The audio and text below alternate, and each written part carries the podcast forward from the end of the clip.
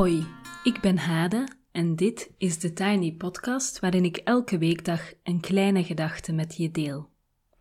Vandaag is het donderdag 28 januari 2021 en de kleine gedachte gaat over een dag uit het leven van een andere tweelingmama. En ik zeg andere tweelingmama omdat jullie vast weten dat ik zelf een tweelingmama ben. Ehm, mijn dochters zijn nu 2,5 en ze heten Jutta en Janne. En ik heb daarnaast ook nog twee zonen. ik vond het een heel herkenbaar uh, verhaal en ik ga het op vraag van de vrouw die het schreef anoniem delen. Ik neem je mee in een dag uit mijn leven. Het is begin januari en vandaag is mijn vrije dag met onze peuter en babytweeling. Op de andere dagen werk ik. De man werkt vandaag thuis. Het is kwart over zes als mijn dag begint. De tweeling is wakker. Doorslapen doen ze allebei niet, maar het was geen al te slechte nacht. Toch ben ik niet fit. Het is de ochtend na een avondruzie met de man. De ruzies kwamen met de komst van de tweeling. Veel stress, weinig slaap, weinig tijd voor jezelf, laat staan voor je relatie. We hebben het uitgepraat gisteravond, maar de kater de volgende ochtend heeft het niet voorkomen. Veel tijd om er nog bij stil te staan heb ik niet. Ik heb een dag aanpoten met de kleintjes voor de boeg. Hopelijk met wat fijne momenten tussendoor. Als ik me aankleed na het ontbijt, zie ik de weegschaal staan in de badkamer. Ik moet eraan geloven en het apparaat vertelt me dat een gezond gewicht nog niet in de buurt is. 7 kilo. Dit jaar zal het toch wel gaan lukken. Alle body positivity ten spijt, ik heb mijn zinnen gezet op dat gezonde gewicht en het hopelijk daarbij behorende betere gevoel over mijn uiterlijk. Om half tien eten we fruit. Een hapje links, een hapje rechts en weer opnieuw. Tussendoor probeer ik zelf ook snel wat sinaasappel binnen te krijgen. Leuk dat mindful eten, maar niet bedacht door iemand met een druk gezin. Na het fruit eten is het droog, dus tijd om naar buiten te gaan. Het duurt zoals gebruikelijk een eeuwigheid om iedereen gereed te krijgen, maar dan staan we toch eindelijk buiten. De tweeling in de kinderwagen, de peuter op de loopfiets. Ik hoor moeders om mij heen verzuchten dat hun uitjes door corona zo beperkt zijn, maar onze uitjes waren tot dusver al niet veel meer dan een rondje door het bos of even langs de paardjes in het weiland. In mijn eentje naar de dierentuin of kinderboerderij met deze drie kleintjes? Ik moet er nog niet aan denken. De paardjes dus maar weer vandaag. Eenjarigen vinden die gelukkig net zo prachtig als olifanten of giraffen. Onderweg komen we vertederde oudjes tegen. Een andere moeder met één kind stelt dat ik wel de handen vol zal hebben aan die drie van mij.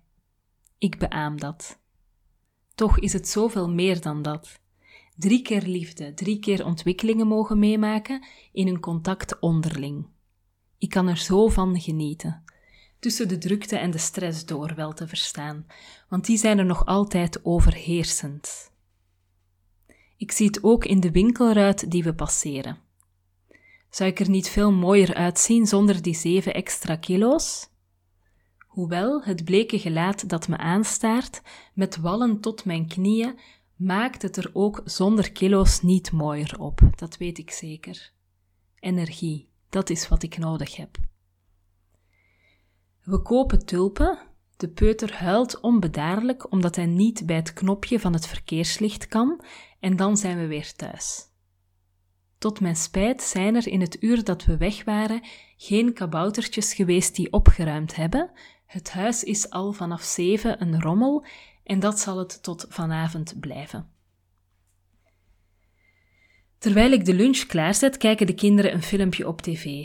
Je moet het je als ouder soms makkelijk maken. De soep die we eten verwarmt en kalmeert, er vliegen slechts een paar broodkorstjes door de kamer. Na de lunch geef ik een van de baby's een fles. Mijn gedachten dwalen af naar de vrouw waar ik het afgelopen jaar ineens zo verliefd op werd. Het overviel me destijds, maar ze weet het niet en ik zie haar weinig, dus ik stond mezelf toe om van het gevoel te genieten. Nu zie ik haar binnenkort weer en vraag ik me af of het nu, een jaar later, toch niet eens tijd wordt om te proberen haar uit mijn gedachten te krijgen. Het gaat nergens heen en ik wil mijn relatie weer op de rit krijgen, toch? De flesjes zijn op, tijd om de baby's naar bed te brengen voor hun middagslaapje. Ik merk dat ik moe ben en verlang naar een uurtje voor mezelf. Maar de peuter slaapt niet meer overdag en kan nog niet goed zelf spelen. We bouwen een hut en knutselen wat met vouwblaadjes. Ik leg een paar kookboeken op tafel om recepten uit te zoeken. Dat is voor mij het gewenste rustmoment en hij vermaakt zich met de foto's van eten. Ernstig teleurgesteld is hij als blijkt dat eieren van de kip komen en dat hanen ze niet kunnen leggen. Ik lach in mezelf om dit kleine drama. Die gedachtegang van peuters is vaak zo fantastisch. Om vier uur zijn de baby's wakker en de buurmeisjes komen spelen. Gelukkig is de man al klaar met werken en kan hij op de kinderen letten terwijl ik vast voor morgen en daarna voor vanavond kook. Het is een ondankbare taak om voor een moeilijk etende tweeling te koken, de borden belanden geregeld op de grond. Ik houd mezelf voor dat dit ooit beter wordt. Net als alles: het slechte slapen, het huilen, de relatie wellicht. Zoals voorspeld eet de tweeling nauwelijks. Na het eten spelen de kinderen, ze krijsen, er is drukte, ik zie ze plezier hebben. Een vriendin appt over de vakantie die we met onze gezinnen hopen te vieren in België deze zomer. Zou corona het ons toestaan? We doen de baby's in bad, ik knuffel die warme lijfjes nog eens goed. Nog een flesje, boekjes voorlezen aan alle drie en dan is het kinderbedtijd om kwart over zeven. Als het huis weer op orde is, praten de man en ik nog even over de kinderen. Eigenlijk zouden we over veel meer moeten praten, meer tijd samen moeten doorbrengen. Maar mijn lijf is op en snakt naar een warm bad, en daar kies ik dan ook voor. Die relatie komt morgen wel weer. Morgen echt. Zo tot daar het verhaal, of de dag uit het leven van deze vrouw. En het is, en dat zal een aantal vaste uh, volgers onder jullie niet verbazen, denk ik, het is voor mij ontzettend herkenbaar. En ik wil even zeggen aan alle mama's, aan deze mama en zeker aan alle tweelingmoeders die het pittig hebben, heel veel liefs. Ik probeer zelf zo eerlijk mogelijk te zijn over onze struggle met de twins, of misschien is het mijn struggle. Ik kan zeggen dat het krijgen van een tweeling mijn leven echt behoorlijk op zijn kop heeft gezet. Het is alsof je jarenlang niet jezelf bent en je wel een topprestatie moet leveren, dag in dag uit.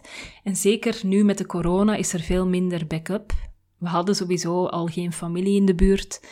Ehm, gelukkig wel een, iemand die vrijwillig drie uur per week bij ons uh, komt om te helpen. Um, maar het is wel een soort van dagelijkse topprestatie zonder een pauze. En tijdens dat je dagelijks die topprestatie moet leveren, wat dag en nacht doorgaat, want ook bij ons zijn de nachten na 2,5 jaar nog steeds in de regel onderbroken, uh, moet je ook nog voor je relatie, je lijf, je werk, je huishouden en je andere kinderen zorgen. Sommige dingen vallen bij mij nog steeds enorm uit de boot, zoals vriendschappen onderhouden of dingen snel oppakken. Ik vergeef mezelf dat intussen min of meer. Uiteindelijk wordt wel duidelijk, als je een tijd in zo'n situatie zit, dat de basics gewoon heel belangrijk zijn. Structuur en regelmaat in huis en inzetten op slaap.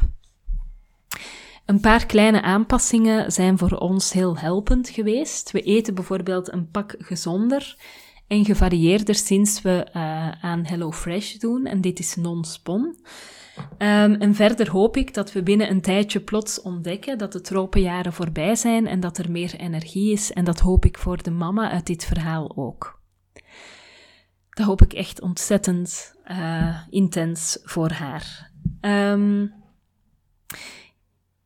ja, ik heb zelf eigenlijk heel erg het idee dat die tweeling krijgen, dat eerst natuurlijk die zwangerschap tot een goed einde brengen al een hele uitdaging was.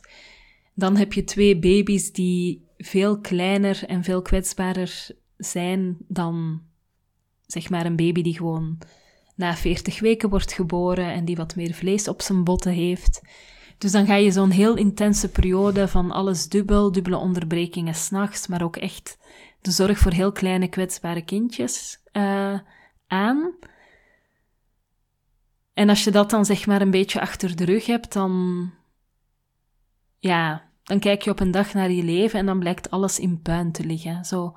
En het huis is een, is een soort van opgestapelde chaos en je relatie is uh, op sterven na dood en je vriendschappen, je vrienden kennen je niet meer. Alleen de echte diehards. Uh, ik ben ook mijn baan kwijtgeraakt naar aanleiding van de tweeling. Um, ja, dus ik heb het echt zelf wel heel erg ervaren als een heel pittige, intense periode. Tot en met vandaag heb ik het gevoel dat ik puin aan het ruimen ben. En dat bijvoorbeeld ja, mijn relatie aan een zijden draadje hangt met enige regelmaat. Um, dat mijn conditie een drama is, ondanks al mijn goede voornemens.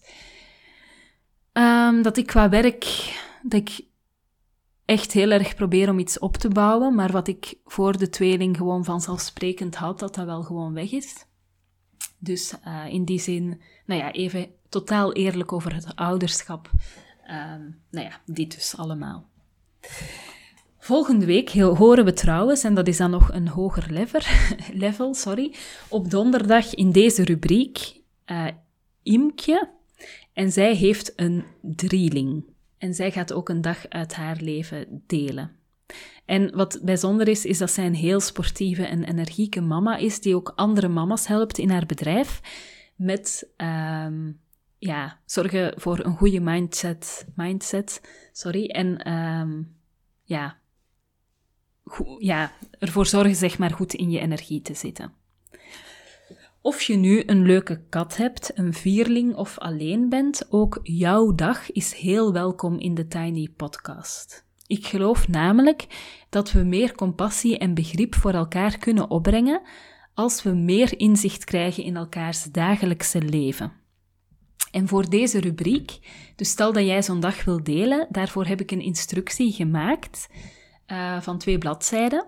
Dus als je mee wil doen en je wil graag een dag uit jouw leven delen in de podcast, mag je me een mailtje sturen thetinypodcast.gmail.com. Dan stuur ik jou heel graag de instructies toe en dan spreken we met elkaar af wanneer ik ruimte maak voor jouw dag in de podcast. En dan, last but not least, nu er een avondklok is in Nederland vanaf 21 uur, kan je maar beter iets leuks te doen hebben tijdens de avonden. Volgende week gaat mijn cursus Storytelling weer open. Voor de meetings die bij de cursus horen, dat zijn vijf verhalenavonden, op dinsdagavonden, trotseer ik zelf met een zelfgeschreven verklaring de avondklok. Dus ik ga volledig de illegaliteit in om die uh, avonden hier vanuit mijn kantoortje te kunnen begeleiden. Als jij zin hebt om negen weken lang, dus vanaf volgende week, of helemaal op jouw tempo, want je hoeft niet voor de versie met de meetings te gaan, te werken aan negen zelfgeschreven verhalen aan de hand van allerlei storytelling technieken die ik jou aanreik, dan ben jij van harte welkom in de cursus. Je kan de cursus dus met de meetings doen en dan neem je deel aan verhalenavonden met anderen waarbij je uh, feedback geeft en feedback krijgt. Maar je kan de cursus zeker ook op je eigen houtje doen. Voel je welkom en lees meer via het linkje in de show notes. Tot zover de Tiny Podcast voor vandaag. En ik wil nog een keer heel expliciet dankjewel zeggen aan de mama die dit stuk heeft. Uh, ik beschouw haar ook als een vriendin. Ook al hebben we elkaar nog nooit ontmoet, maar we hebben wel heel veel connectie met elkaar uh, online en heel veel herkenning. En ik wil haar echt heel erg bedanken voor haar open en eerlijk stukje en de inkijk, de eerlijke inkijk die ze geeft in haar leven, uh, zoals dat nu op dit moment is. Je kan me volgen op Instagram, TheTinyPodcast. Je helpt me door deze podcast wat sterretjes te geven op iTunes, een review achter te laten en of hem door te sturen aan iemand anders die er misschien ook graag naar luistert. Abonneer je via Spotify, Google Podcast of Apple Podcast en zo wordt de podcast makkelijker vindbaar voor anderen. Heel graag tot morgen voor de laatste Tiny Podcast van deze week.